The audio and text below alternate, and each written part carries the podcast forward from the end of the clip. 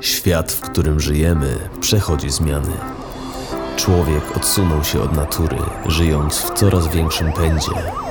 W pogoni za nieuchwytnym, zapominając o skupieniu na tym, co ważne o zdrowiu, witalności, radości z życia. Mam na imię Jim.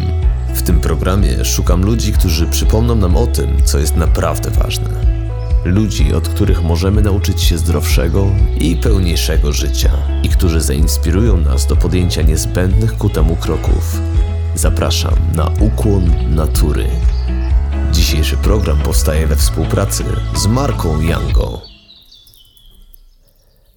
Z tej strony Jim, słuchacie podcastu Ukłon Natury, a w dzisiejszym odcinku gościć będę Aleksandrę Michalską, psycholożkę, edukatorkę w dziedzinie komunikacji, w szczególności w relacjach partnerskich i autorkę e-booka Nawyki Miłości, w którym opisuje narzędzia dla transformacji związku celem osiągnięcia zdrowego partnerstwa. Olu, witam Cię w Ukłonie Natury. Dzień dobry, witam bardzo serdecznie i bardzo, bardzo dziękuję za zaproszenie. Bardzo miło mi Ciebie gościć. Oczywiście y, będziemy dzisiaj rozmawiać w dużej mierze na temat relacji, ale zanim do tego przejdziemy, chciałbym, abyś przybliżyła mi i słuchaczom Twoją osobę. Y, może na początek, od jak dawna zajmujesz się w ogóle psychologią i skąd pojawiło się w Tobie zainteresowanie tym tematem? Dobrze, więc ja nazywam się Aleksandra Michalska i jestem psycholożką, jestem psychologiem z wykształcenia. Skończyłam SWPS, psychologię kliniczną. Prowadzę na Instagramie swoje konto Ola Mamy Problem i również podcasty o tym samym tytule. E, I tak jak wspomniałeś, e, jestem autorką e-booka o nawykach miłości, ale też wydałam takiego e-booka o randkach z samą sobą, mm -hmm. które są bardzo fajną formą e, poznawania, e, poznawania siebie i trochę takiego bycia tu i teraz. Natomiast jak się zaczęła moja e, przygoda z psychologią, to jak zwykle od kryzysu, bo, bo, w kryzysach warto szukać, warto szukać jakichś wartości i zawsze są one dla człowieka takim predyktorem zmiany. I u mnie tak było, ja przez ponad 18 lat prowadziłam swoją firmę,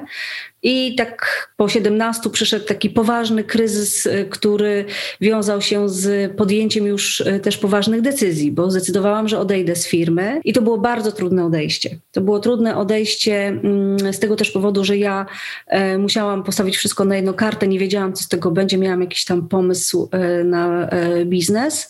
Natomiast też miałam trudne rozstanie z, ze swoją wspólniczką. I wtedy po raz pierwszy skorzystałam z pomocy i tutaj nie psychologa, a coacha. Chociaż były to osoby po psychologii. E, I to było takie moje pierwsze zetknięcie, które uświadomiło mi, że e, istnieją narzędzia, takie, które pomogą mi rozwiązać problemy, które miałam na ten czas, tak, wtedy, które się pojawiły, e, które były dla mnie takim ograniczeniem, że nie potrafiłam wtedy ruszyć, a to spotkanie zarówno z jednym, jak i z drugim coachem pokazało mi, że jeju, to, to jest takie proste. I to... E, A czym psycholog różni się od coacha? Przepraszam, że ci się wcinam. Mm-hmm. Znaczy, y, do coacha się idzie tak rozwojowo, czyli właśnie dokładnie jak zawodowo na przykład y, stanęliśmy, mm-hmm. czy czujemy wypalenie zawodowe. No przynajmniej tak z mojej perspektywy to wtedy wyglądało. To ja szukałam wtedy pomocy u coacha, bo szukałam rozwiązania tego problemu, który jest w danym momencie.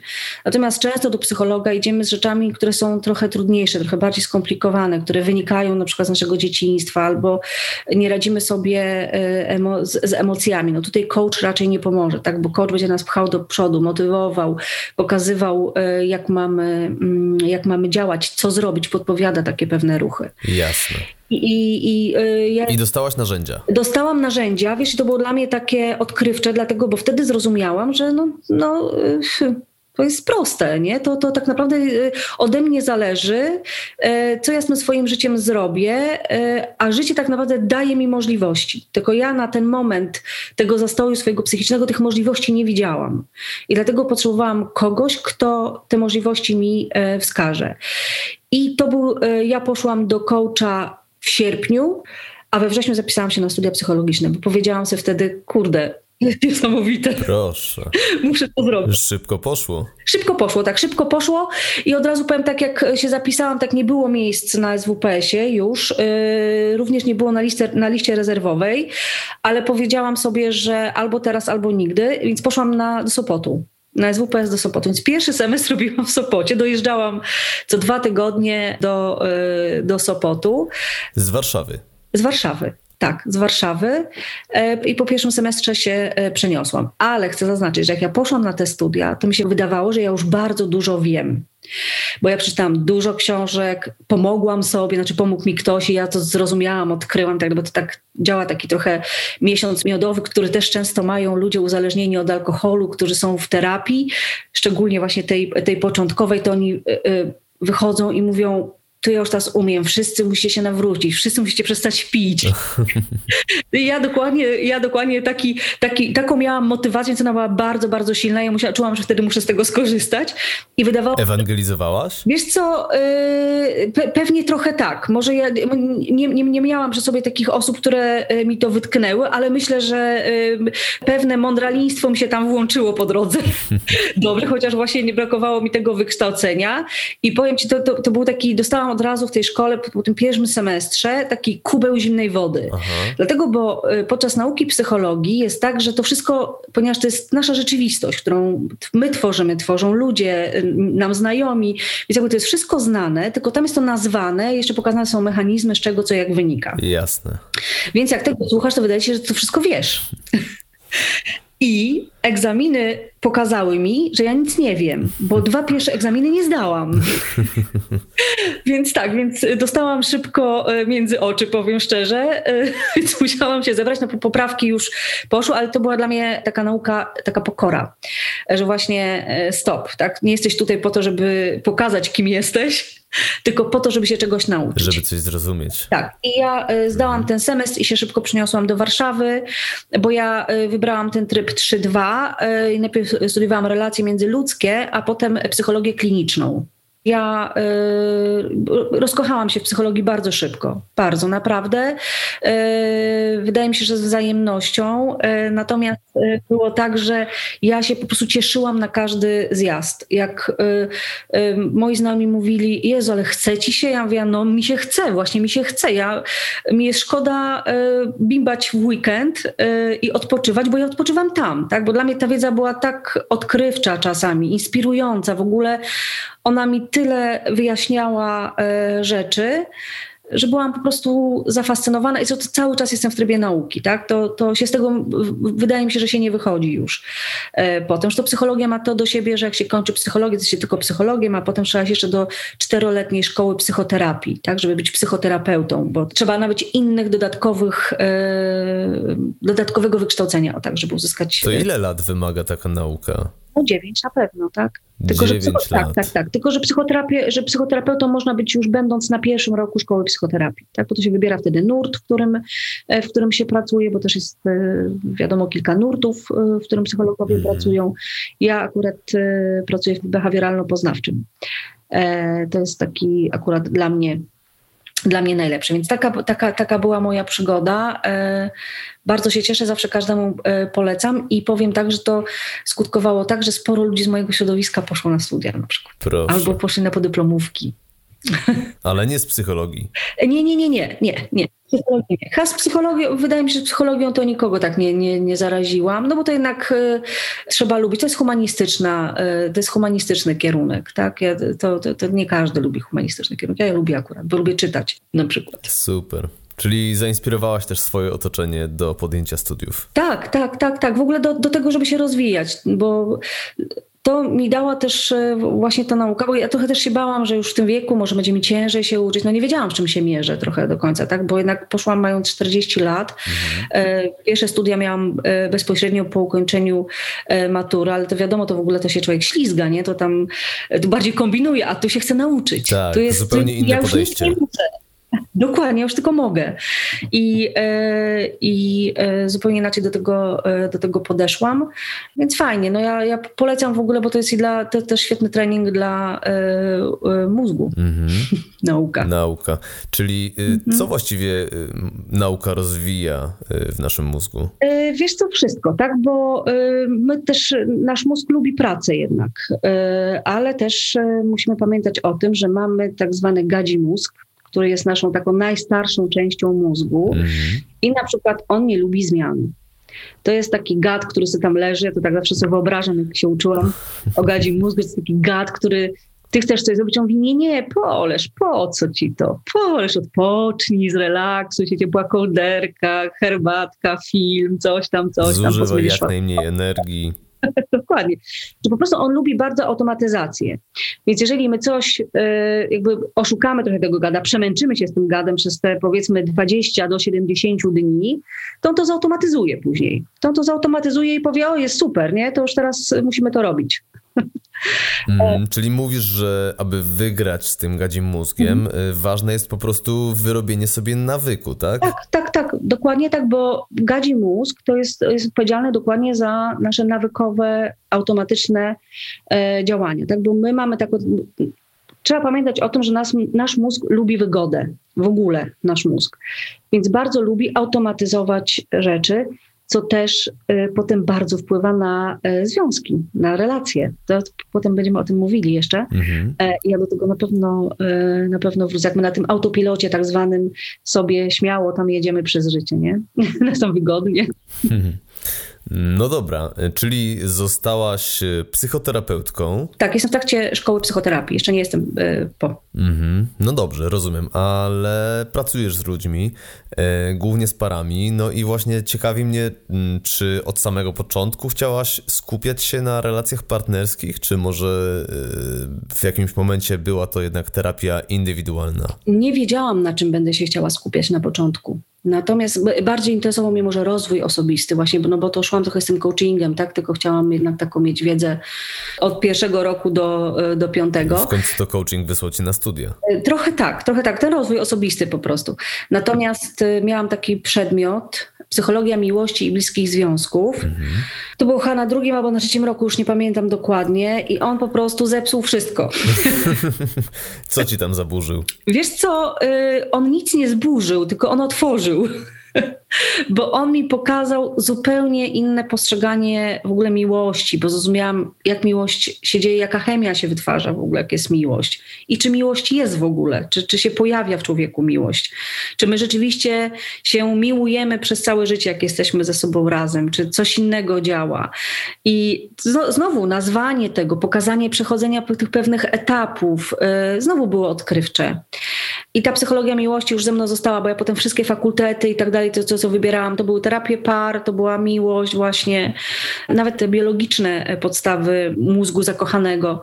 To też e, było coś, co mnie bardzo ciągnęło, z tego pisałam pracę. Więc to, to, to się wtedy zaczęło. U mhm. Ścigały, u profesor Elżbiety Ścigały, która jest traumatologiem. To jest taka terapeutka, która e, już na samych wykładach, jak nam opowiada, to mówi, no i co? Wchodzę, mówi, do poczekalni, siedzi para. I ja widzę, że ten chłop umęczony przez tą kobietę.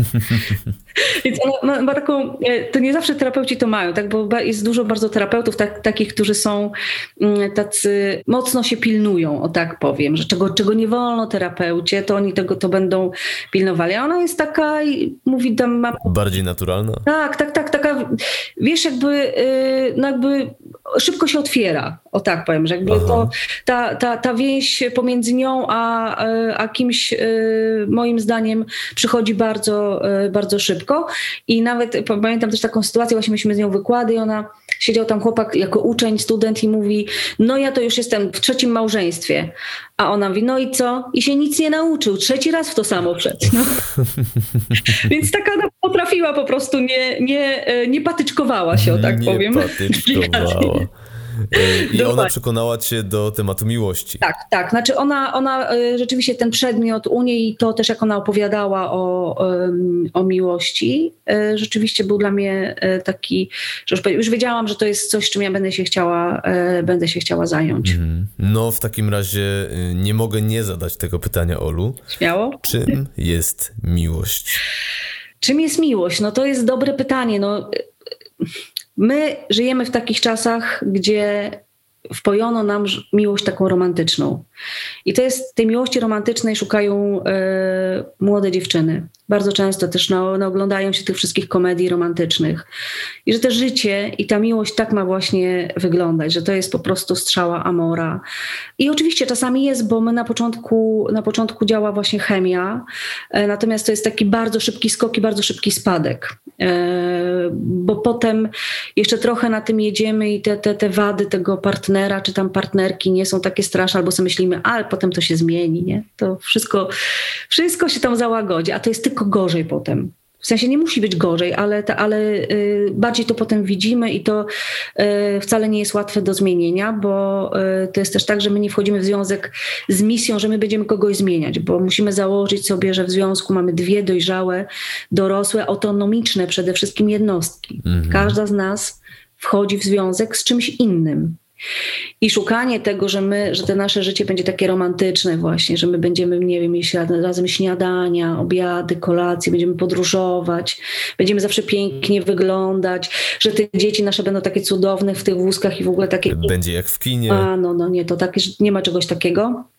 I e, przede wszystkim jest tak, że my wchodzimy z dosyć dużymi obciążeniami w e, związki, dlatego, bo e, jest coś takiego jak style więzi, które wykształcają się w dzieciństwie i które bardzo, one, się mogą, one mogą ulec zmianie w trakcie terapii, natomiast to, to jest coś, co definiuje nasz związek. Czyli czy mamy styl, są tak zwany styl lękowy, styl bezpieczny i styl ambiwalentny.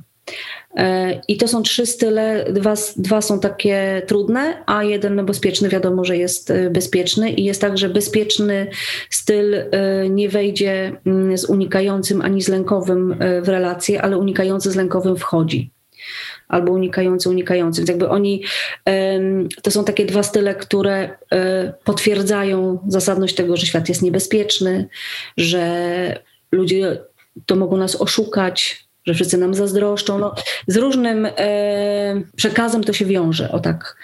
I, e, I my z tym wchodzimy i my się w tym, e, w tym utwierdzamy. I to tak nie jest właśnie nigdy kolorowo, jak nam się wydaje, jak nam te filmy romantyczne i te książki piękne e, o, o, patetycznej miłości mm, mówią. No dobrze, czyli y, wiemy, że miłość nie jest tym, co nam wpoiła popkultura. Wiemy, że nasze związki mogą być uwarunkowane przez y, różne style więzi, więzi style więzi, e, ale no, czym w zasadzie jest ta miłość? Czy ona jest czymkolwiek poza e, biochemią w naszym mózgu? Oczywiście tak. Przede wszystkim e, miłość to jest postawa jednej osoby wobec drugiej. Ja to zawsze podkreślam, czyli czego nie jesteś w stanie zrobić osobie, której kochasz? Zdradzić jej, zranić, sprawić bólu, I to jest miłość. To jest to, że zanim ja cię zdradzę, czy zanim ja zrobię coś głupiego, coś przeciwko tobie, to powiem, że jest mi tutaj źle. Bo to nie jest tak, że my zdradzamy, wychodzimy z domu i zdradzamy, tylko coś się dzieje, coś, coś wcześniej są jakieś zwiastuny i my przestajemy działać na takiej zasadzie tej serdeczności, tej otwartości dla tej drugiej osoby. Przestajemy nie szanujemy siebie i jej, no bo umówmy się, zdrada, odejście od zranienia drugiej osoby, to jest też poszukiwanie, próba przejrzenia się w czymś innym, w czymś lepszym, czyli to jest też utrata szacunku wobec e, siebie, bo to potem zawsze wyjdzie. Więc my się źle czujemy, bo kogoś skrzywdziliśmy i jeszcze w dodatku my to zrobiliśmy, więc e, to, to jest takie turbo, e, turbo depresja bym powiedziała, tak? Takiej sytuacji, że to, to, to, to wychodzi. E, I to jest dla mnie miłość. Miłość to jest postawa jednej osoby wobec drugiej. To jest wzajemny szacunek, akceptacja. I ja zawsze to mówię o tym, że żeby ludzie uczyli się rozmawiać z pozycji serca i otwartości. Co to znaczy? To znaczy, że naprzeciwko mnie siedzi przyjaciel, a nie wróg.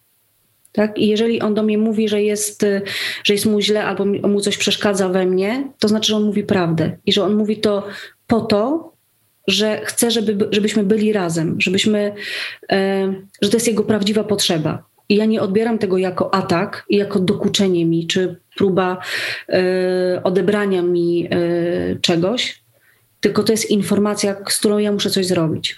To jest, to jest, to jest dla mnie miłość, to jest taka dojrzałość po prostu emocjonalna też. Także, bo my bardzo często w związkach e, przyjmujemy role władcze. Aha. Ty ciągle, ty nigdy. Tak, to są takie bardzo częste, e, bardzo częste e, słowa. Ludzie nie chcą, nie chce się rozmawiać ludziom ze sobą w związku. Tak, to jest. E, przychodzą do mnie na przykład mężczyźni i mówią: Jezu, ja po prostu przychodziłem po 10 godzinach do domu, ona siedziała ciągle niezadowolona, tak krzywa mina, nie mogłem na to patrzeć tak? Ale to już się skończył ten moment, kiedy oni mogli ze sobą porozmawiać właśnie, kiedy ten ktoś mógł usiąść naprzeciwko tej kobiety i powiedzieć, słuchaj, ja tak nie mogę po prostu żyć, tak? To jest ciężkie dla mnie, że ja y, patrzę na kogoś, to jest wiecznie niezadowolony. Ja nie wiem, co mam zrobić, żeby ciebie zadowolić. Mm -hmm. Nie, już, między tymi ludźmi często już nie ma y, rozmowy, nie ma komunikacji. To jest właśnie otwartość serca, tak? Że, że ja rozmawiam y, z potrzeby i dlatego, że ten ktoś jest dla mnie ważny. To jest dla mnie miłość. Mhm. A czy w takim punkcie, o którym tu wspomniałaś, czy to już jest rzeczywiście za późno, żeby wrócić do jakiejkolwiek rozmowy z perspektywy serca? Powiem ci tak. Ja osobiście wychodzę z założenia, że nigdy nie jest za późno. I moje doświadczenie mówi o tym, że małżeństwa czasami zmagają się z tak trudnymi rzeczami, że mi się wydaje, kiedyś bym pomyślała, że to jest, że to jest koniec, że tego się nie da naprawić ale mam wrażenie, im trudniejszy problem i jak ktoś przychodzi, to znaczy, że chce go rozwiązać, dwoje, dwie osoby e, się podejmują tego, to ma większe szanse, moim zdaniem, niż ten, kto przychodzi i nie wie, czy jest, jaki jest problem, co jest. Tak, wydaje mi się, ten kaliber e, jaki jest taki poważny, to jakoś takie mam doświadczenie mi mówi, że, że ci ludzie się dogadują że potrafią, zaczynają potrafić z sobą rozmawiać. Bardzo często kryzysy związku są wyzwalające. Jak to? No, przede wszystkim właśnie to jest ten moment taki, kiedy ludzie dochodzą do ściany. Coś już się wydarzyło, już się nic, nie, nie, już to się nie odwydarzy, tak? Czyli właśnie nastąpiła zdrada. E, no najczęściej to jest, umówmy się, tutaj nie, nie będę szukała e, innego określenia, po prostu to jest, e, to jest zdrada. I ja kiedyś z perspektywy niewiedzy to bym, sobie, to, to, to bym pomyślała, nigdy bym zdrady nie wybaczyła. Nigdy. Ale dzisiaj wiem właśnie, że w wielu przypadkach, w wielu małżeństwach ta zdrada pozwoliła zrzucić maski e, ludziom. E, ci ludzie zakochują się w sobie w prawdziwych osobach.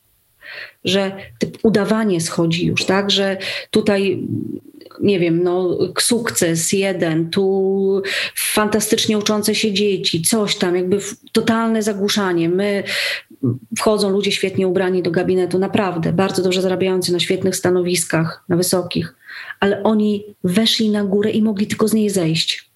Jakby tam nie było już relacji, tak? Tam były tylko osiągnięcia, e, cele. Super, no ktoś z boku spojrzy, mówi, no, no wspaniale, mają wszystko. Ale to tylko fasada. To jest fasada, dokładnie. Pojawia się, e, pojawia się zdrada e, i wtedy właśnie są, przychodzą do gabinetu. Mhm. I to jest wyzwalające. To jest wyzwalające. To jest, to oczywiście jest płacz, jest ciężko. To nie, nie mówię, że to jest łatwe doświadczenie, bo to jest bardzo trudne doświadczenie, e, ale ja zawsze mówię, no ten ktoś dokonał wyboru. Nie? Bo to jest też taki moment, że można odejść właśnie wtedy. Bo jak się rozlewa mleko, to najłatwiej jest odejść i zacząć coś e, budować od, od nowa. Tak. A tu pojawia się, jeżeli ktoś przychodzi i chce pracować, no to znaczy, że jest y, coś między tymi ludźmi. Przynajmniej się lubią. Przynajmniej. przynajmniej się lubią. A to jest podstawa do pracy. No, wydawałoby się, że przynajmniej lubienie się to jest jakaś podstawa do związku. No, przynajmniej. przynajmniej lubienie się. E, dobrze. E, Olu, ale też mnie ciekawi, e, czy zanim zaczęłaś terapię z parami, pracowałaś najpierw z ludźmi indywidualnie? Myślę, Tak, pierwsze były indywidualne. Ja zaczęłam w ogóle od konsultacji. Od konsultacji. Miałam, tak, konsultowały się ze mną głównie kobiety. Znaczy, to prawda, też miałam z dwóch mężczyzn, którzy konsultowali się ze mną w sprawie związków. E, szukali potwierdzenia tego, co, co czują, albo czy to, co się wydarza w ich życiu, to, to co, co to jest, czy ta żona z teściową ma rację, czy tam e, dziewczyna. E, z jej mamą. My mężczyźni chyba często jesteśmy odłączeni od uczuć. E, nie powiedziałabym tego tak, aż drastycznie, bo ja mam, to prawda, czy znaczy mężczyźni mają większą trudność z nazywaniem uczuć. Ja mam taką kartę wtedy wydrukowaną, to jest koło uczuć. Aha. E, są różne uczucia i różne stany emocjonalne. Wtedy jak taki pan, ja pytam się pana, co pan czuje? Pan wzrusza ramionami, albo widzę, że szuka, to ja wtedy mu daję tą kartę i on czyta, czyta i mówi to. Czyli masz taką ściągę dla facetów. Mam taką ściągę, tak to... Y, po prostu wydaje mi się, że mężczyźni są mm, nie tyle odłączeni, co są nienauczeni tego, bo oni to czują, tylko nie potrafią nazwać, wypowiedzieć. E, właśnie uważają, że to jest e, jakaś tam słabość. To jest, to, jest, to jest właśnie też to, co powiedziałam przed chwilą, czyli o tym zrzucaniu masek. Tak? Czyli już stoję goły, e, już tutaj nie ma żadnej iluzji. Nie jestem supermenem wcale, przyznaję się do tego, że nie jestem supermenem, tylko też cierpię, też coś nie ma na coś zgody we mnie. I teraz zaczynamy zmiany. Ja teraz jestem dopiero gotowy na to, żeby się zmienić, bo, bo chcę już czuć, chcę, chcę żyć normalnie, tak? Chcę być szczęśliwy. Jest takie dążenie, szczęście to jest inna rzecz, ale, ale, ale tak to mniej więcej wygląda. I to by, czyli pierwszy, wracając do, odpowiadając na twoje pytanie, e, o, tak, były to indywidualne, były to konsultacje, a potem pracowałam z kobietami, znaczy głównie z kobietami, bo jak nie wiem, czy kobiety mają, szybciej szukają po prostu tej pomocy. Może to też wynika z tego właśnie, że mężczyzna nie prosi o pomoc, tak, że jemu jest trudniej się do tego, nie wiem, zmusić e, pewnie, albo jest w ogóle go trudniej zmusić nawet przez, przez, przez małżonkę. Bo te kobiety przychodzą, to często mówią, że no on nie chce, nie, on nie chce, on nie będzie jakiejś tam pani nie będzie pani mu mówiła, czy on dobrze robi, czy on niedobrze robi. No okej, okay, no to, to, to pewnie się zmieni, wiesz, bo to w Stanach Zjednoczonych jest tak, że y, wszyscy chodzą, wszyscy mają swojego terapeuta. I to jest już, to jest takie higieniczne, bym powiedziała, nawet jak mycie zębów. Higiena głowy. Tak, tak, tak, tak. Wiesz, ja mam, mam koleżankę, która jest Polką i y, wyszła za Nowojorczyka i jak pojechała pierwszy raz do niego, y, już jako dziewczyna jego do Nowego Jorku, to on pierwsze co zrobił, to zaprowadził ją do, swojego, do swojej psychoterapeutki. No, u nas poznaje się pewnie znajomych, rodziców, a tam terapeutę. To jest mu bliska osoba, nie? Ale tam inaczej też wygląda właśnie ta relacyjność e, i te, i te relacje są inaczej e, po prostu budowane. Ale ja w ogóle pracuję bardzo dynamicznie. Ja lubię dynamikę w pracy, ja lubię, ja dosyć często, dosyć często pracuję z pacjentem, to, to tak co dwa, trzy spotkania to feedbackuje się, nie? Czy, czy on czuje progres, czy nie czuje. E, ja bardzo dużo zadaję takich prac, że trzeba w domu, e, w domu pracować, bo mam, zauważyłam też na pewnym etapie, że ludzie e, świetnie pracują w domu, na przykład na pracę jakiś tam każe im coś wypisać, prowadzić na przykład dziennik uczuć codziennie i oni to robią pięknie i w ogóle są systematyczni, ale już nie wdrażają tego, to, tego w życie. Nie? To jest bardzo często w ogóle, że tu na tej karcie to tak łatwo im idzie zapisanie. To też jest dużo oczywiście, no bo to jest, zaczynamy mieć jakiś wgląd, jakoś pojawia się analiza pewnych sytuacji. Mhm. Ale potem robienie tych kroków to już jest kolejna trudność po prostu, która się, e, która się pojawia. Więc ja tak pracuję, ja zawsze tego oczekuję. Zresztą mówię na początku, jak takie e, mówię o, o tej naszym przymierzu terapeutycznym, to zawsze właśnie mówię, jak, jak, ja, jak ja lubię, jak ja lubię pracować, tak? Bo oczywiście też dostosowywuję to do, e, do ludzi. Wiem, że dla jednego tam zrobienie malutkiego kroku to jest y, dla niego ogromny krok. Tak? To ja widzę, że to jest małe, ale, ale on jednak w, w swojej skali po prostu naprawdę mm, przeskoczył niezłą górę. No i chyba tu właśnie wchodzi w życie to, co wcześniej mówiłaś na temat y, gadziego mózgu, prawda? Że rzeczywiście wymaga to pewnego dodatkowego skupienia i pracy, by wcielić w życie to, czego się o sobie dowiemy.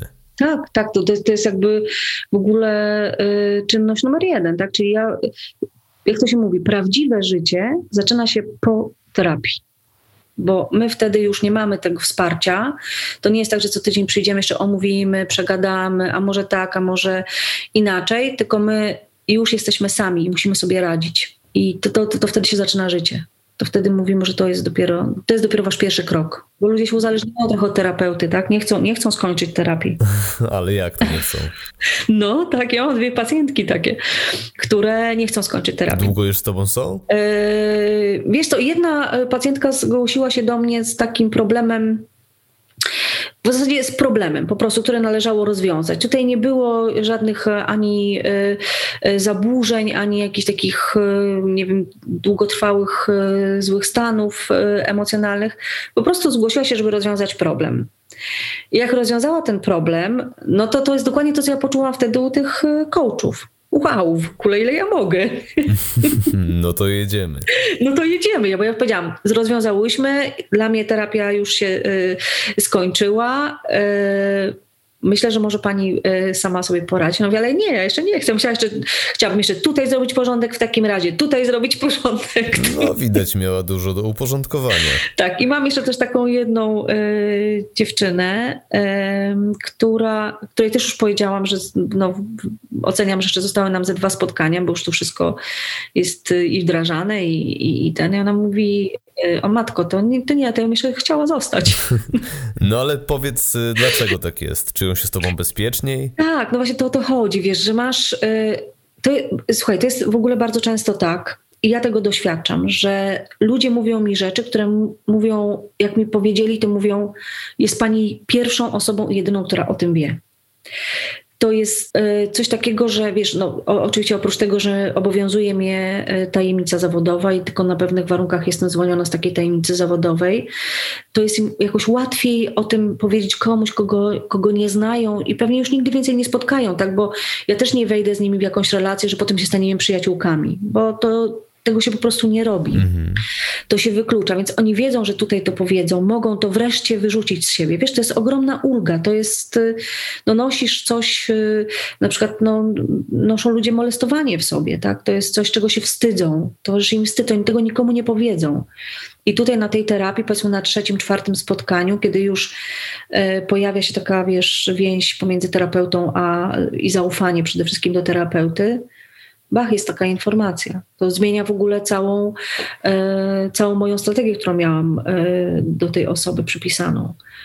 Ale tak jest, że właśnie tutaj po, no, powierzają ci jakieś tajemnice głębokie i mają nadzieję, że ty im to zdejmiesz, więc pojawia się to uczucie takiej miłości do terapeuty, bo bardzo często w ogóle się y, pacjenci zakochują w terapeucie, bo on im zabrał coś, co im blokowało ich życie, co im utrudniało, a dał im coś nowego, tak? Inne, jakby czystość umysłu, spokój przede wszystkim. Takie odrodzenie. No, to jest odrodzenie, dokładnie. To jest, to, to tak jest po prostu, więc trzeba często granice postawić niestety. No, rozumiem. E, dobrze, przejdźmy może do psychologii relacji partnerskich. E, Olu, uczysz komunikacji. Jakiej komunikacji uczysz? Wiesz co, ja no, oczywiście skupiam się, bo no, komunikacja to jest, y, umówmy się, komunikacja jest y, od zawsze i wszędzie. Czyli rodzimy się od razu komunikujemy, bo się drzemy, nie? No to, to, to komunikujemy, że jesteśmy głodni. No tak. Więc y, my zawsze się komunikujemy i tylko często przyjmujemy, nie, mamy nieumiejętność komunikowania się. Czyli na przykład może być tak, że w dzieciństwie były ignorowane nasze potrzeby i my potem nie prosimy nikogo, nie mówimy, bo sobie myślimy, i tak nic, nikt nie zareaguje na to, co ja chcę. Nie? Czyli już jest od razu wycofanie. Mhm. I to jest właśnie to, co się bierze z dzieciństwa, o czym ci mówiłam. Czyli my pewnych rzeczy, pewnych schematów uczymy się, jak jesteśmy malutkimi dziećmi. I dlatego tak bardzo jest nam to potem trudno zmienić, bo wydaje nam się, że świat tylko taki jest że on nie jest inny. I my nie widzimy nawet tych swoich schematów, tak? Nie, my nie widzimy się, bo to jest ten automat. My jedziemy totalnie hmm. na, na autopilocie yy, i to jest, to jest dla nas jedyna prawda. I jak ja pracuję y, z pacjentami, to właśnie na przykład każę im wypisać takie schematy, z którymi oni, y, z którymi oni są. I teraz pomyśl sobie jedną rzecz. Do związku wchodzą dwie osoby. Każda z nich ma inne schematy każdej coś innego się wydaje. Tak? Czyli ta nie komunikuje się dlatego, bo wie, że i tak jej, jej potrzeby nie zostaną wysłuchane, a tamta osoba ma potrzebę komunikowania się. Tak? I już jest konflikt. Już jest konflikt, bo ta się wycofuje, bo się boi, a ta z kolei nie ma z kim pogadać. Mhm.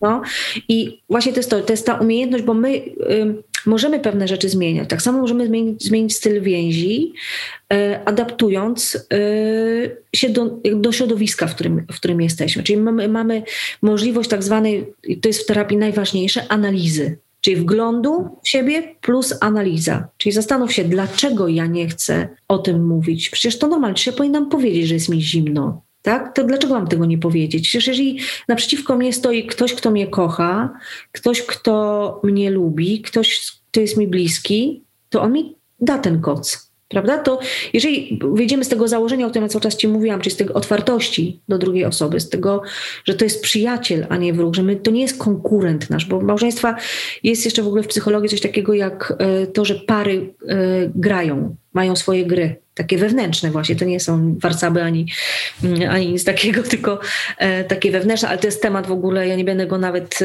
zaczynać, bo on jest temat mega... Rzeka. Tak, tak, tak, tak, to jest, to jest bardzo pojemne. Aha. E, I każda, tak, każda para jakąś tam gierkę wtedy sobie e, ze sobą rozgrywa. Niektórzy się testują na przykład. Mhm. Czy on się domyśli, co ja właśnie teraz potrzebuję? To jest bardzo często u kobiet na przykład, że on się nie domyślił. Mam parę e, w terapii. Przyszli na terapię i ona mówi, ja tak bardzo chciałam to dostać.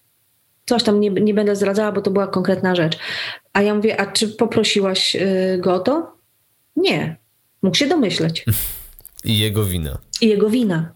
I ona się męczy, i on. Tak, bo on nie wie o co jej chodzi. Nie wie, bo to nie jest wróżka, nie? A ona męczy się, no bo tego nie dostaje. Tak. I takiej komunikacji uczysz. Tak, tak, tak, dokładnie tak. Uczę też tego, bo, bo komunikacja no, ma też teorię swoją, tak, że my czasami na przykład y, jest coś takiego jak parafrazowanie w komunikacji. Czyli ja coś mówię, y, i na przykład, nie wiem, mój mąż się odwraca napięcie i się obraża na mnie. Mhm. A parafraza polega na tym, że on mówi: Aha, czyli chciałaś mi powiedzieć, że to przeze mnie coś tam. Tak? Czyli ja już widzę, że on źle zinterpretował słowa, które ja e, powiedziałam.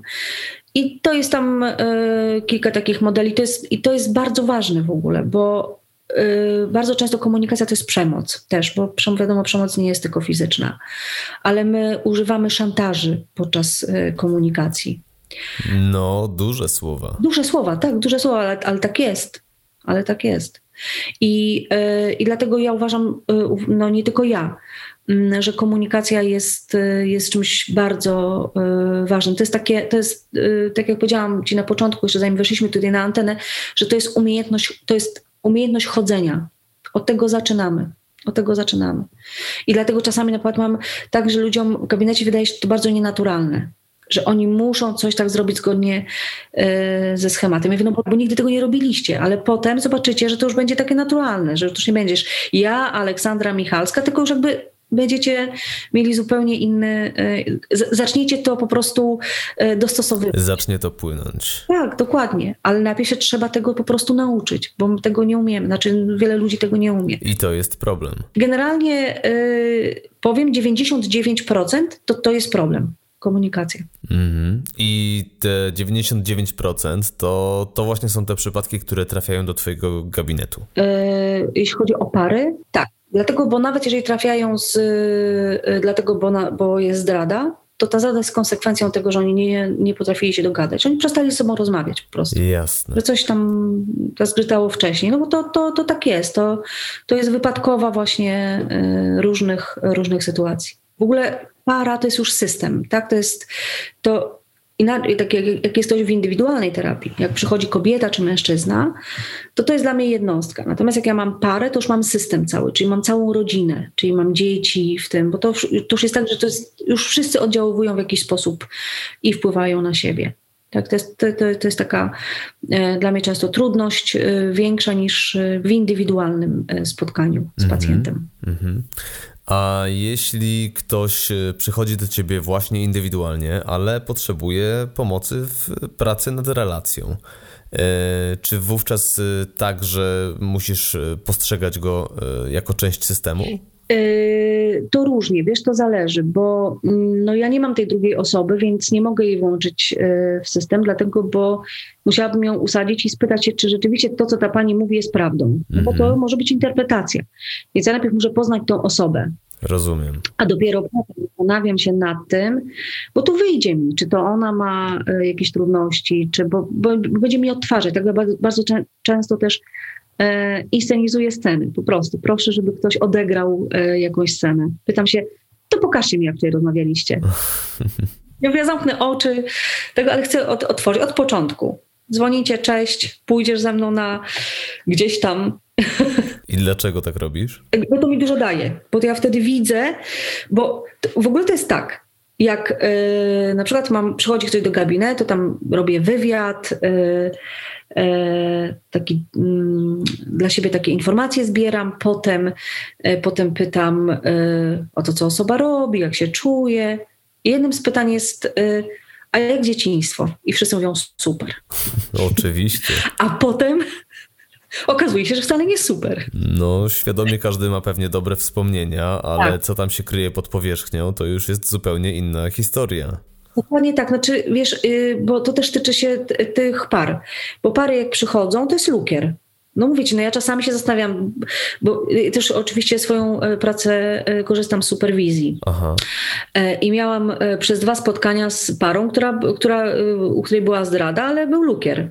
No, oni byli cudowni, oni w ogóle się kochali przed tą zdradą, były, no ja nie wiedziałam, co z tym zrobić w ogóle, gdzie ich, gdzie zahaczyć się. I wzięłam właśnie super, sobie superwizję i e, taką dodatkową, bo robię to normalnie raz w miesiącu, standardowo, ale wzięłam dodatkową, no i pytam. A wytłumacz jeszcze proszę dla słuchaczy, którzy nie wiedzą, y, czym jest superwizja? Superwizja to jest y, Powinien to robić każdy psycholog i jeżeli ktoś idzie do psychologa, to warto zapytać, czy, się super, e, czy, czy, czy, czy korzysta z superwizji. Bo superwizja to jest e, spotkanie jednego psychologa z psychologiem, który ma bardzo duże wykształcenie, e, bardzo duże doświadczenie, a dodatkowo ma wykształcenie jako superwizor.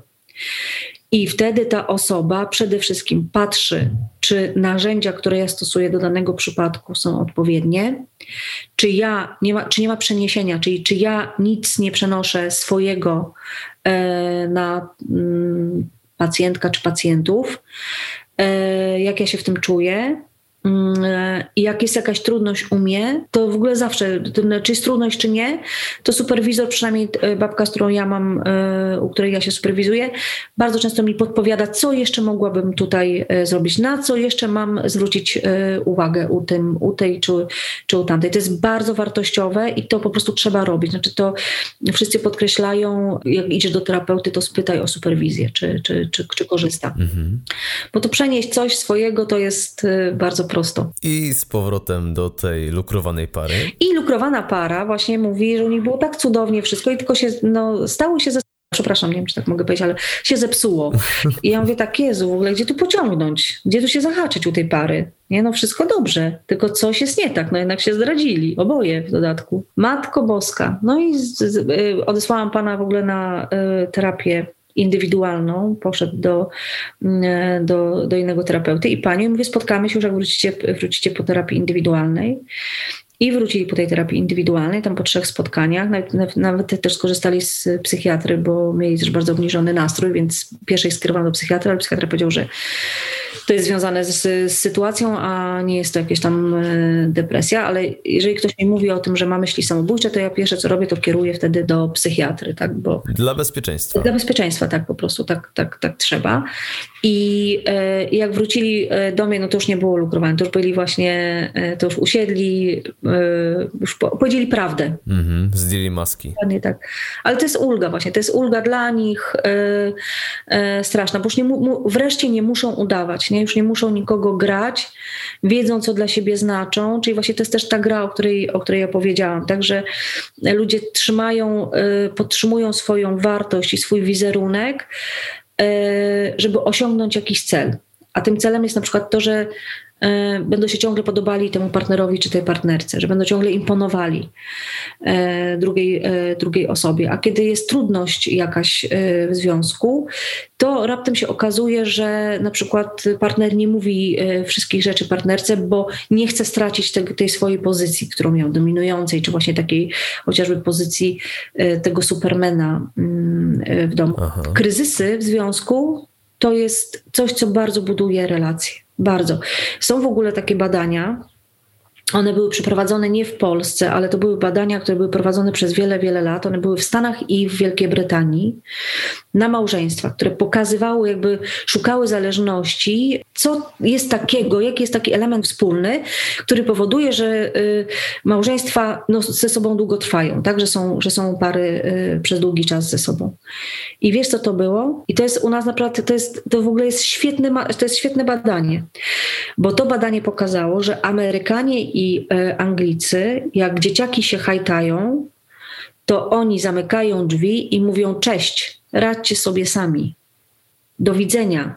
Nasza rola rodziców się skończyła, teraz wy zakładacie swój system. I to jest fenomenalne. To jest fenomenalne pod wieloma względami. Przecież u nas w Polsce budowało się domy wielopokoleniowe po to, bo dzieci miały się zajmować rodzicami.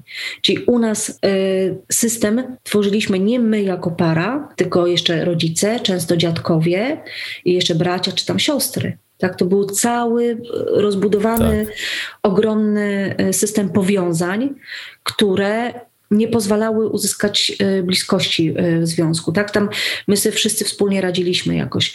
Też jest taka tendencja w Stanach, że ludzie jak się żenią, to często nawet zmieniają stan, wyjeżdżają tak, te odległości są też dalekie. To nie jest tak, że dzwonię do mamusi i mówię, mamo, coś tam przyjedź, ugotuj mi rosół, albo mamo, pożycz kasy tylko jak jest trudność, to my sobie radzimy we dwoje. I to jest ten fundament. My zaczynamy wylewać fundament, który potem my wiemy, że jak są trudności, to my sobie już poradzimy tak? Że my jesteśmy razem, że my wiemy, jak my reagujemy, jak my działamy.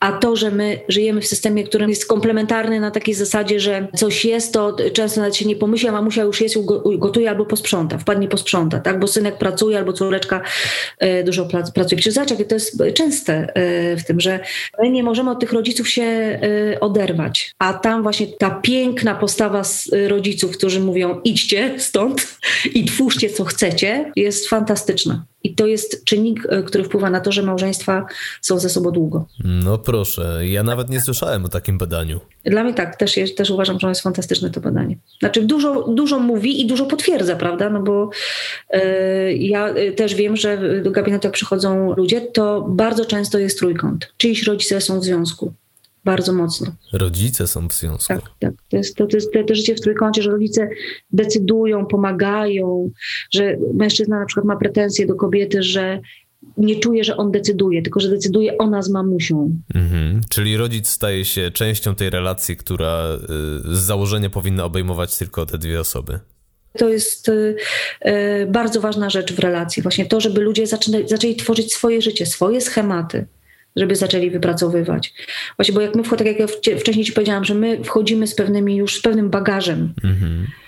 E, chcemy zachować swoją autonomię. Często druga osoba nie pozwala nam na działanie e, autonomiczne, tak? Bo nie wiem, jest zazdrość, e, chociażby o czas, który ktoś ma jakąś pasję czy coś, to, to, to mężczyźni z reguły się poddają, w sensie oni potrafią dostosować się do trochę niekorzystnych warunków, tak? Czyli mówią, a dobra, później to zrobię i jest kryzys, jest odbezpieczenie i wtedy jest triatlony, biegają, skaczą, fruwają, nie? To jest, to jest dokładnie to, bo, bo robią sobie tę analizę, ten bilans i mówią: No nie, no nie, tak być nie może. Co ja, co ja osiągnąłem? Takie miałem marzenia, takie miałem pasje. Tak myślałem sobie, że to życie moje będzie wyglądało, ale nie chciałem, żeby tak wyglądało, jak wygląda. I ciach, i wtedy jest grubą kreską, oddziela i bunt, jak u nastolatka, i, i jadę, robię swoje. To są bardzo częste w ogóle kryzysy y, też tego wieku średniego u mężczyzn. Y, trzeba bardzo na to uważać. Dobrze, może nie wchodźmy już w kryzysy wieku średniego u mężczyzn, przynajmniej podczas tej rozmowy. E, być może w przyszłości będzie na to czas. Okej. Okay. Ale chciałbym Cię dopytać jeszcze, y, no bo to już ma przełożenie na relacje. Jaka jest taka zdrowa rola rodziców w naszym związku? Wiesz co, rodzice y, powinni pełnić taką rolę, y, że my wiemy, że jest ktoś, na kogo my możemy liczyć. Ale cieszmy się z tego, że sami zakładamy y, rodzinę, sami zakładamy, budujemy coś nowego i ci nasi rodzice nie wchodzą nam z tymi butami i nie mówią, y, tu powinien stać kwiatek, powinniście może kupić taki samochód, bo taki jest lepszy, oszczędniejszy i tak dalej. Y, tylko niech oni sobie też żyją. Niech oni korzystają teraz z tego życia. To jest ich czas teraz. To też jest dla nich trudna rzecz, bo zostaje ten, to jest ten tak zwany efekt pustego gniazda. Dzieci wychodzą, ale na przykład ojciec czy matka ma teraz możliwość zaadoptowania pokoju dzieci, tego swojego dziecka na, e, na jakiś tam pokój, który zawsze chciał. Bo bardzo często ja słyszę, że a mój ojciec, jak ja się wyprowadziłam, to zrobił pokój muzyczny. No i mhm. super, i o to chodzi właśnie. Oni też trochę z tego życia dostają, bo umówmy się, ale y, ta funkcja, którą oni pełnili do momentu, zanim my wyszliśmy, to jest trudna funkcja, bo, bo i, i dorastający nastolatek, i potem no, inne troski związane z, z dziećmi, a także pojawia się tutaj y, troska o to, że albo na jakimś etapie opiekują się swoimi rodzicami. Y, ci rodzice też ich umierają, no to jest, to jest tak naturalny proces, więc oni też te zasoby mają już ograniczone i warto im dać taką przestrzeń do powiedzenia, już nie musicie się mną zajmować. Jestem, biorę odpowiedzialność za swoje życie. Tak jak się stąd wyprowadzam, to jestem odpowiedzialny. Fajnie, że jesteście i zawsze fajnie do Was wpaść na e, kawę e, czy, czy niedzielny obiad. Ja Was też chętnie zaproszę, e, ale już zacznijcie żyć swoim życiem zaczniecie korzystać. Super. No, to tak powinno wyglądać, wiesz. To, to, to jest bardzo dalekie oczywiście e, od tego, co się dzieje, ale... Szczególnie w Polsce. Tak, tak, wiesz, ja na, na w gabinecie przychodzi dziewczyna i mówi, że ona uważa, że rodzice jej, jej męża za mało im dają. Ja mówię, to ty im powinnaś dać. To ty im powinnaś wysłać na wakacje. Powiedzcie, weźcie, nie dawajcie im pieniędzy, tylko lećcie sobie do Tajlandii, spełnijcie jakieś swoje marzenie. Czyli oni zasługują na to. Mm-hmm. No, w końcu rodzice dawali nam całych siebie od samego początku, prawda? Tak, i to, i to jest właśnie, przy, pewne role się kończą i pewne zaczynają. I tu, jest, tu wchodzi ta samodzielność i odpowiedzialność za swoje życie, odpowiedzialność za tą moją relację. Ale to już bez rodzica. No ja już jestem, zaczynam być dorosły, wchodzę, zaczynam swój etap życia. Mhm tak? I, i, I fajnie, jak ja mogę to zrobić na własnych zasadach, a nie, e, a nie razem z mamą czy z tatą. Ich rola e, jako takich wychowawców, takich naszych mentorów e, dobiegła końca. I oni przyjmują inną rolę, będą dziadkami na przykład. Ale zanim, no to mogą sobie też coś fajnego e, zrobić. Mhm. A my możemy po prostu na tę nową rolę y, dać im przestrzeń przez wyznaczenie własnej autonomii, tak? Mm, dokładnie. Dokładnie tak. Przecież my możemy im to dać, bo oni też myślą może, że takie jest ich powinność wobec dziecka, bo to też jest wychowanie. No, tutaj to no niestety no, żyliśmy w kraju, w którym e, tak to wszystko wyglądało, że ta ojcowizna była taka ważna, tak? dlatego mamy dzisiaj to, że musimy posiadać mieszkanie niesiemy ze sobą ogromną traumę transgeneracyjną związaną z wojną. No to, to, to, to jest wszystko, co ja to rozumiem, że to jest trudne, ale jeżeli my już y, jako osoby dorosłe przyjmujemy pewną wiedzę i już ją mamy, której rodzice nasi nie mieli, to możemy dać im przykład. Dzisiaj możemy my im coś dać od siebie właśnie. To byłoby fantastyczne moim zdaniem. Takie dwie osoby, wtedy dwie, e, dwie strony coś, e, coś mają, takie win-win, tak? Mhm. No, wtedy taka wymiana tej, nazwijmy to energii jest po prostu obopólna, prawda? Tak, tak. Wiesz, to jest w ogóle, no miło patrzysz na tych rodziców, którzy gdzieś tam pojechali, nie? No pewnie. To, to, to, to, to jest fajne. Potem sobie myślisz, no ja też bym tak chciała żyć na starość na przykład. Też bym chciała taką starość. No to... I tak wychowam swoje dzieci. Tak, właśnie, zobacz. I to jest właśnie to modelowanie też, tak? Że my przez te nasze postawy pokazujemy coś, czegoś uczymy. Jeżeli nas nauczono tak, to my tak robimy też. No. Ale to można zawsze zmienić. To trzeba o tym pamiętać, że to jest rzecz e, do zmiany. To nie jest tak, my nie musimy być jak małpy w cyrku my możemy pewne rzeczy zmieniać, tak? Nie musimy biec e, cały czas e, dookoła, no. tylko musimy się zatrzymać i pętli. Mhm, czyli ty jako psycholog, e, pracując z ludźmi, no w pewien sposób zaczynasz kreować nowe, przyszłe społeczeństwo. To takie duże słowo, bardzo duże określenie powiedziałeś. Nie myślałam nigdy o tym w takim kontekście, bo ja po prostu widzę szansę zawsze. I to jest, wydaje mi się, że e, to jest coś, co mi daje właśnie taką siłę i co sprawia, że ja lubię e, ten zawód. To jest to, że ja e, mm, nawet w tych kryzysach upatruję czegoś dobrego. Wierzę właśnie w to, że człowiek jest fajnie, że przyszedł, bo mówię, będzie zmiana. Już jak chce, to już coś z tego musi być.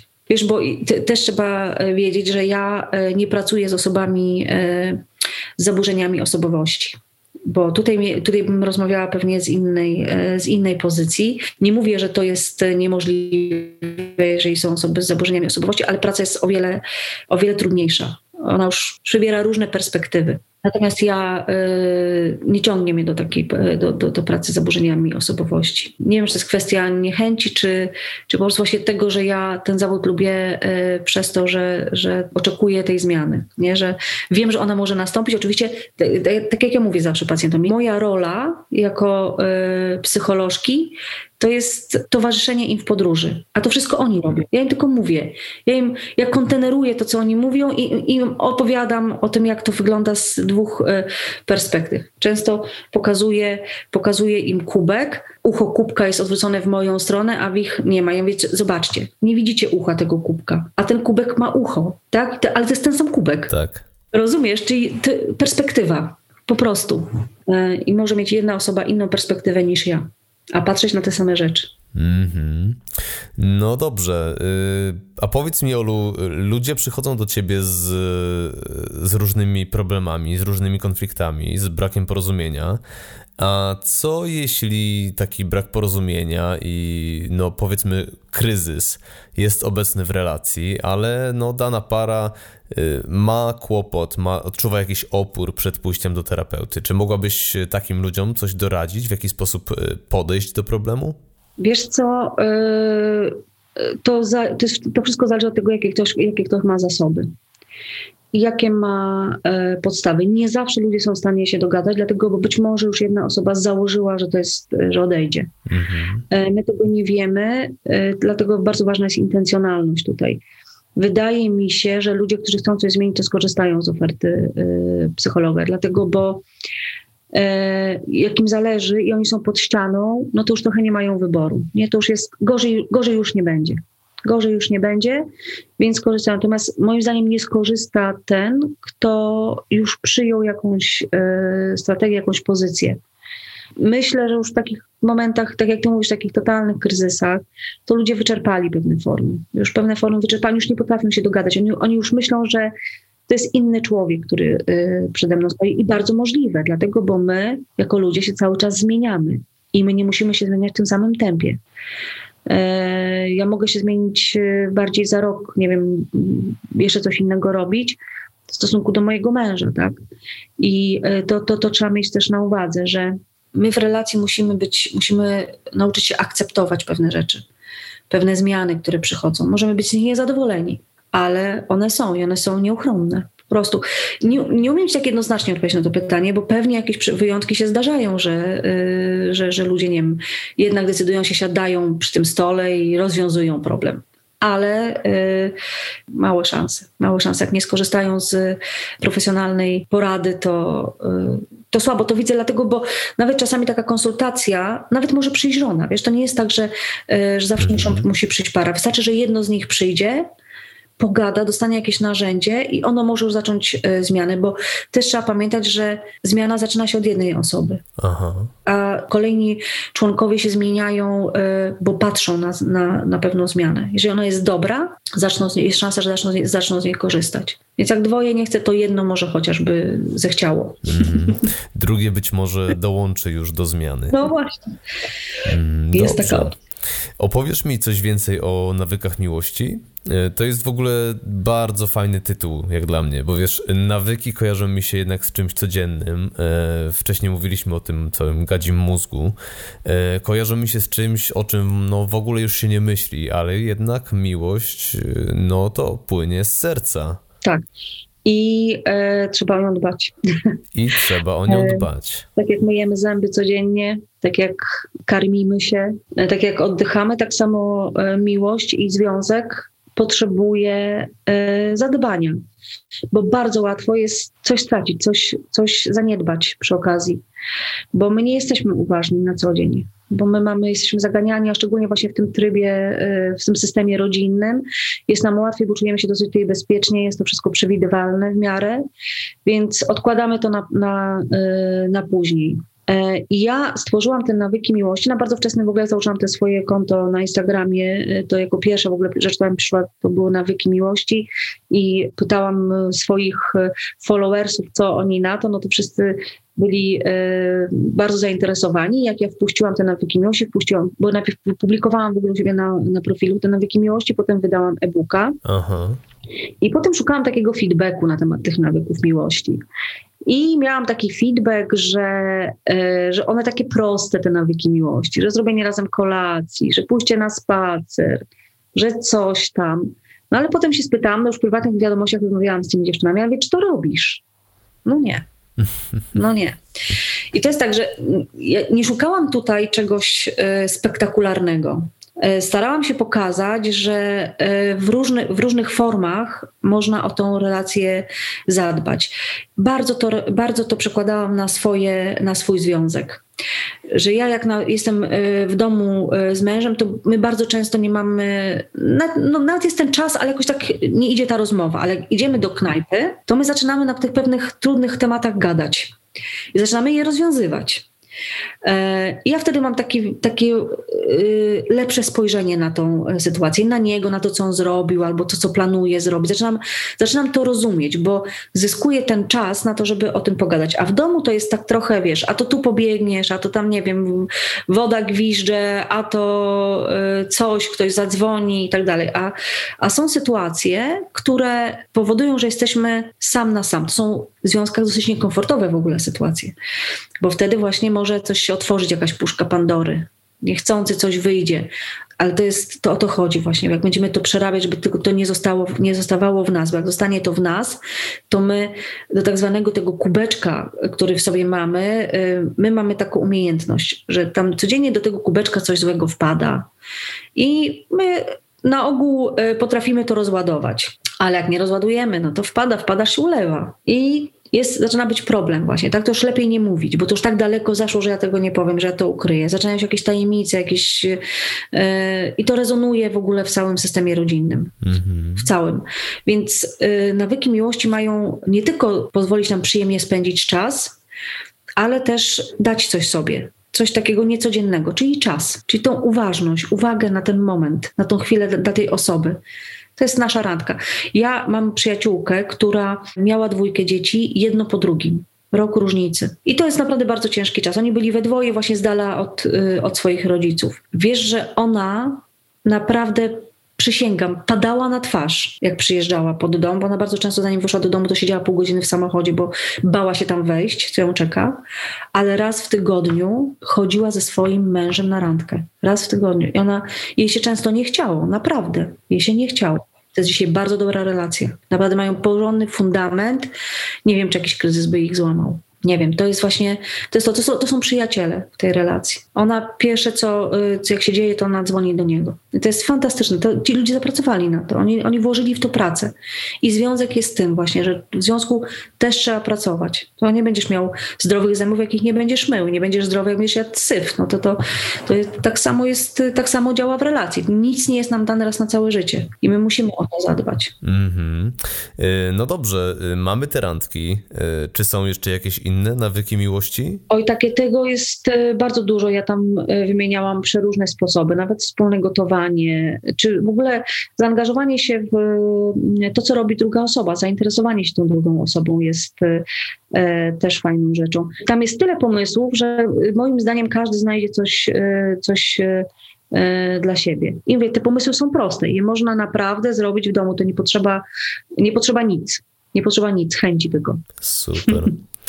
Olu, y, jesteś psychologiem, psycholożką, przepraszam, y, wiem, że zwracasz na to uwagę, jesteś psycholożką. Tak. Zwracam, zgadzam. Mm, twoją dziedziną jest więc w dużej mierze praca z umysłem. Mhm. Powiedz mi, w jaki sposób możemy na co dzień zadbać o zdrowie naszej głowy? Czy są może jakieś składniki odżywcze, jakiś rodzaj odżywiania, na który powinniśmy zwrócić uwagę, e, czy może jakieś inne elementy stylu życia?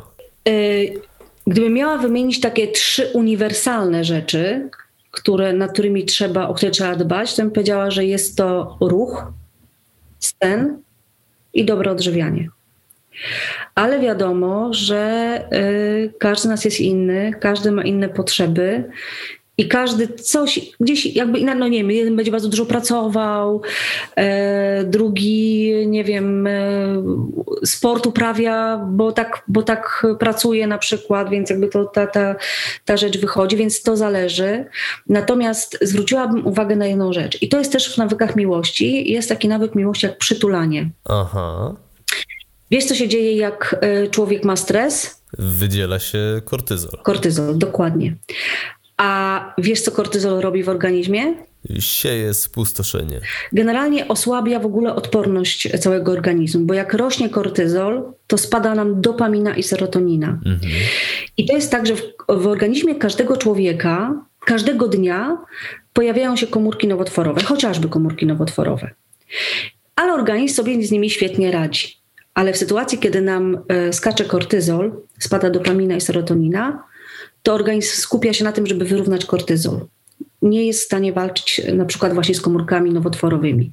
Stąd pojawiają się choroby, że jeżeli tkwimy w permanentnym, permanentnym stresie, to, e, to wtedy układ immunologiczny jest bardzo osłabiony.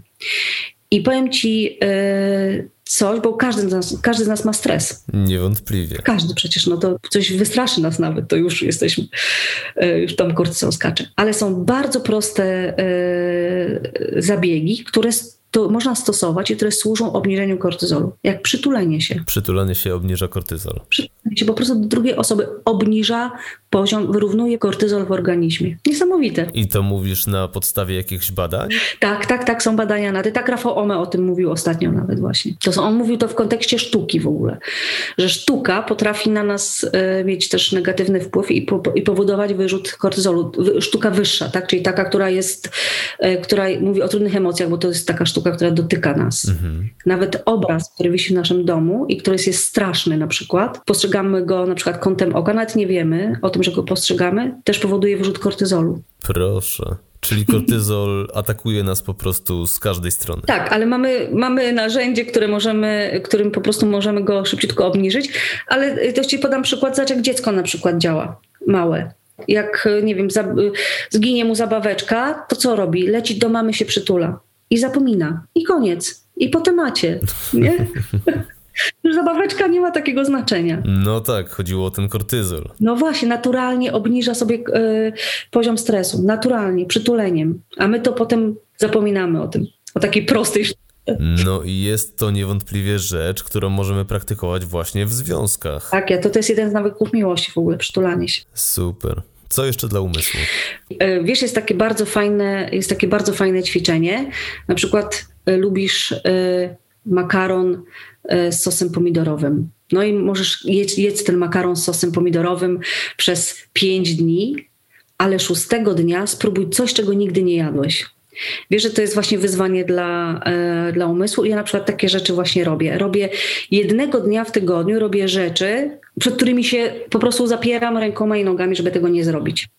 To jest świetny fitness e, dla e, umysłu. No i ja na przykład jeszcze tak dbając o siebie e, i o taką sprawność w ogóle też umysłową, stosuję witaminę, suplementuję witaminę D. Bo my żyjemy jednak w kraju, gdzie nie mamy zbyt dużo tego słońca, a witamina D mm, bardzo wpływa na nasz nastrój, mhm. na to, jak my się czujemy czy my jesteśmy zmęczeni, czy jesteśmy ospali, czy, mam, czy jest w nas jakaś dynamika, czy w ogóle, bo my jednak bardzo dużo w ciągu dnia tracimy energii na różne rzeczy. Bardzo dużo. I dla mnie witamina D, ja naprawdę odczuwam zmiany po, po, po braniu witaminy D i biorę już ją przez wiele, wiele lat. Przestaję na lato, ale, ale w tym okresie. No właśnie, miałem pytać, czy to jest coś, co robisz przez cały rok? Nie, to wtedy, to wtedy y, korzystam y, z kąpieli słonecznych. Okej. Okay. E, naprawdę. A, y, a od tak mniej więcej października już zaczynam, zaczynam suplementację. Mm. No to dowiedzieliśmy się czegoś na temat umysłu i, i, na temat tego, jak o niego najlepiej zadbać. Y, w ogóle bardzo dużo y, fajnej wiedzy dzisiaj tutaj na mnie zrzuciłaś. Myślę, że na słuchaczy też. Powiedz, czy chciałabyś poruszyć jeszcze jakiś temat na łamach programu? To jest, yy, powiedziałabym, że w takim prawidłowym naszym funkcjonowaniu e, dzisiaj zwróciłabym uwagę, w dzisiejszych czasach zwróciłabym uwagę na e, bycie uważnym. Dlatego, bo my mm, coraz częściej szukamy e, szukamy radości w czymś spektakularnym, w czymś takim wielkim, że chcemy mieć duże sukcesy, wszystko ma być takie właśnie duże, wielkie, odczuwalne, ale w ogóle wydaje mi się, że to naturalnie przychodzi też w pewnym wieku, zaczynamy, zaczynamy być uważni na takie małe y, sytuacje, które się wydarzają w naszym życiu. na to, że y, znajdujemy czas na jakieś, na jakieś celebracje czegoś. To jest właśnie uważność, to zbudowanie uważności. W ogóle wtedy też pojawia się uważność na drugiego człowieka, z którym zasiadamy do tej kolacji, czy tam do tego obiadu. Że to, że przygotowujemy, zaczynamy doceniać to, że ktoś koło nas stoi na przykład. Że mamy, nie wiem, że idziemy do lasu, zaczynamy na to patrzeć zupełnie inaczej. Przestaniemy, przestajemy w końcu gonić tego króliczka w naszym życiu, a zaczynamy patrzeć na to, co nam świat oferuje. To nie jest wcale tak, że e, wszystko jest w naszych rękach i od nas zależy, tylko jest też w jakiś sposób ten świat skonstruowany. I fajnie, jak my byśmy nauczyli się z tego wszystkiego też brać i korzystać, ale to wymaga od nas właśnie takiego spokoju, takiego zatrzymania się, takiego, takiego chwilowego utopienia myśli w tej danej chwili, w której jesteśmy. To dzisiaj bardzo modny jest, modny i słusznie, bo to też bardzo dobrze wpływa na, na naszą kondycję umysłową, yy, czyli medytacja. I właśnie daje nam to medytacja. Mhm. Czyli wiesz, na czym w ogóle polega medytacja? Bo ja naprawdę się dowiedziałam ostatnio, bo ja jestem tą osobą, której trudno jest się poddać medytacji, bo ja jak za, zasiadam na, na, i medytować i wszyscy mi mówią, mi dają koledzy, jak medytować. Zacznij od czubka głowy i potem sobie wyobrażaj tak. każdą część A. To jak zaczynam od czubka głowy, to wiesz, co mi się pojawia, tak, czy mam umyć dzisiaj głowę, czy nie. Czyli dużo myśli zamiast uważności. Tak, zamiast tej uważności. Dlatego widzę, jak to jest, y, jaka to jest w ogóle trudność dla nas y, ludzi. Jak mówił, kiedyś Wojtek Cejrocki opowiadał, że y, Indianie właśnie mają to, że oni leżą w hamaku i nic nie myślą. W ogóle to jest, dla kobiety to, to jest rzecz prawie niemożliwa. To byłoby poważne, powiem ci, wyzwanie, żeby leżeć w hamaku i nic, i nic nie myśleć. A może to byli po prostu Indianie mężczyźni? To byli Indianie mężczyźni, ale w ogóle podobno Indianie właśnie tak mają, że wiesz, no, jednak to jest, wydaje mi się też związane z tym, że przebywają wśród przyrody, mm -hmm. że e, mają świadomość pewnej takiej e, nieprzewidywalności czegoś, tak, że, że nie ma sensu się zastanawiać nad tym, co będzie za chwilę, bo jesteśmy teraz tu i teraz. E, I to jest też y, w zdrowiu psychicznym bardzo ważne, żebyśmy przestali próbować myśleć o tym, co będzie za miesiąc, za rok. Oczywiście mamy działać, mamy coś robić w kierunku y, jakiegoś tam się zbliżać, jakichś naszych celów, ale ani nie żyć przeszłością, no bo już na to nie mamy wpływu, nie zmienimy tego w żaden sposób. E, a najpiękniej jest być tu i teraz, bo jak jesteśmy tu i teraz, to mamy na to wpływ, ale na to, co się za moment wydarzy, już nie mamy wpływu. No tak. Ale z drugiej strony, właśnie to, co zrobimy teraz, za chwilę będzie konsekwencja tego, co zrobimy teraz co sobie damy, więc warto być uważnym i, i ja naprawdę powiem z ręką na sercu, że y, staram się to y, praktykować na swój sposób, bo taki y, siedzący właśnie na dywanie czy tam na czymś, no mi nie wychodzi jestem zdekoncentrowana. Chociaż ostatnio właśnie się dowiedziałam, że ten moment, kiedy ja łapię tą myśl, że myślę o tym, o tej umyciu głowie i że, i, że łapię, że odpłynęłam z medytacji, to to jest właśnie uważność. No jest, niewątpliwie. I łapanie No widzisz, no człowiek całe życie się uczy. No.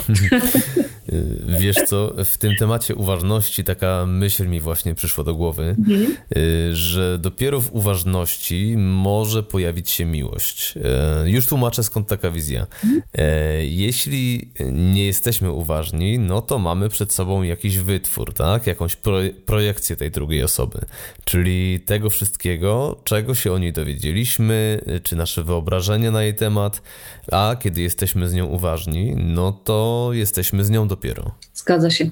Dokładnie tak, my w ogóle żyjemy wyobrażeniami. My w ogóle potrzebujemy kreować e, rzeczywistość tak, jak my byśmy chcieli. Zapominamy o tym, że na naszą rzeczywistość wpływa milion innych rzeczy, a przede wszystkim osoba, z którą żyjemy że dlaczego my nie z nią kreujemy tą przyszłość, tak? Dlaczego nie uwzględniamy jej w planach, tylko one, te, te, plany są w naszej, w naszej głowie. Fantastycznie jest zaprosić do, e, wtedy do współpracy, tak brzydko powiem, e, tą drugą osobę. Też można razem też, e, też e, ćwiczyć uważność. Ćwiczą w ogóle pary uważność. To też jest, e, to też jest takie bardzo oczyszczające dla, dla związku właśnie. To zatrzymanie się, tak jak powiedziałeś. I to, to w ogóle to, że trzymam cię za rękę, prawda, na przykład. Wiesz, ten, ten dotyk, bo skupiasz się na tym dotyku, na tym, że to jest ciepłe, jaka jest struktura twoich dłoni, wiesz, to, trochę takie odnajdywanie tej, tej osoby e, na nowo, w tym, w tym pędzie, w tym wszystkim. E, przecież się zakochaliśmy w kimś, w czymś, w jakimś, nie wiem, podobały nam się gesty tej osoby, no cokolwiek, coś, coś nas ujmowało. I my dzisiaj możemy to z powrotem, e, z powrotem w tej osobie e, odnaleźć. Mhm, no właśnie, bo wtedy to wszystko było takie nowe i ekscytujące. E, no a kiedy dotykamy tej znanej już nam dłoni w pełnej uważności, no to też tak jakbyśmy dotykali jej po raz pierwszy, prawda? No, można tak to przeżyć, można tak to przeżyć, absolutnie. Tym bardziej, że można nawet potraktować, że to jest znowu pierwszy raz, to jest nasz nowy pierwszy raz, dlatego, bo my jesteśmy już kimś innym niż byliśmy wtedy. Są za nami jakieś doświadczenia, jakieś przeżycia, które nas zbudowały właśnie. Zobacz, jesteśmy ciągle razem, trzymamy się za ręce. Możemy jeszcze coś pięknego y, wspólnie osiągnąć. Znaczy, relacja dwojga ludzi jest y, moim zdaniem czymś niesamowitym w ogóle. To, jest, to, to, jest, y, to może być przepiękna energia, przepiękna między dwojgiem ludzi. Przepływ w ogóle energii tego, dwa różne zasoby, które się łączą. Magia, po prostu się może zadzieć magię. Magia. Olu, y, mam do ciebie ostatnie pytanie, y, które kieruję zresztą do wszystkich moich gości. Ukłon natury to przede wszystkim wiedza na temat zdrowszego i pełniejszego życia. Dużo dzisiaj o tym powiedzieliśmy, bardzo dużą ilością wiedzy nas dzisiaj uraczyłaś. A w tym momencie byłoby mi miło, gdybyś, biorąc pod uwagę całe swoje doświadczenie i perspektywę, podała mi trzy praktyczne wskazówki, dzięki którym ty sama żyjesz lepiej, zdrowiej i pełniej. To pierwsze, od czego bym zaczęła i co jest dla mnie bardzo ważne, to czytanie. Nie wyobrażam sobie życia bez czytania. Ja wstaję y, specjalnie wcześniej po to, żeby czytać rano. Ja wstaję po piątej rano po to, żeby y, w ciszy nikt mi nie przeszkadzał, że mogła sobie y, czytać. Ja naprawdę odbywam podróż wtedy. To jest, ja odkryłam po wielu, wielu latach lalkę na przykład Bolesława Prusta. O. Zabrałam ją od rodziców, byłam w ogóle na profilu humanistycznym, więc czytałam zawsze dużo e, książek, lubiłam, ale zupełnie inaczej dzisiaj na, to, na tą książkę spojrzałam. E, więc to byłoby pierwsze, czyli, czyli czytanie. Drugie to spacery. Ja kocham Warszawę i kocham spacerować po, e, po Warszawie i dużo, e, dużo robię, chodzę do różnych parków. E, bardzo lubię sztukę. Dla mnie sztuka, na mnie sztuka działa w taki sposób, że ja się uwrażliwiam, że ja właśnie mierzę się z tym, że czegoś nie rozumiem, że patrzę na, na coś i mówię, jest w ogóle o co tu chodzi, Boże, czy tylko ja tak mam. E, sztuka w ogóle budzi we mnie wiele e, pytań, jest taka, sprawia, że ja się rozwijam. To jest taki, to jest taki mój sposób, mój sposób na, na rozwój i tyle. Czyli spacery, czytanie i sztuka. Spacery, czytanie i sztuka. I sztuka. Pięknie. Dziękuję. Każde ze mną rezonuje. Super. No właśnie, może kogoś zarazimy jeszcze przy okazji. Mm, no, bardzo na to liczę. Bardzo na to liczę.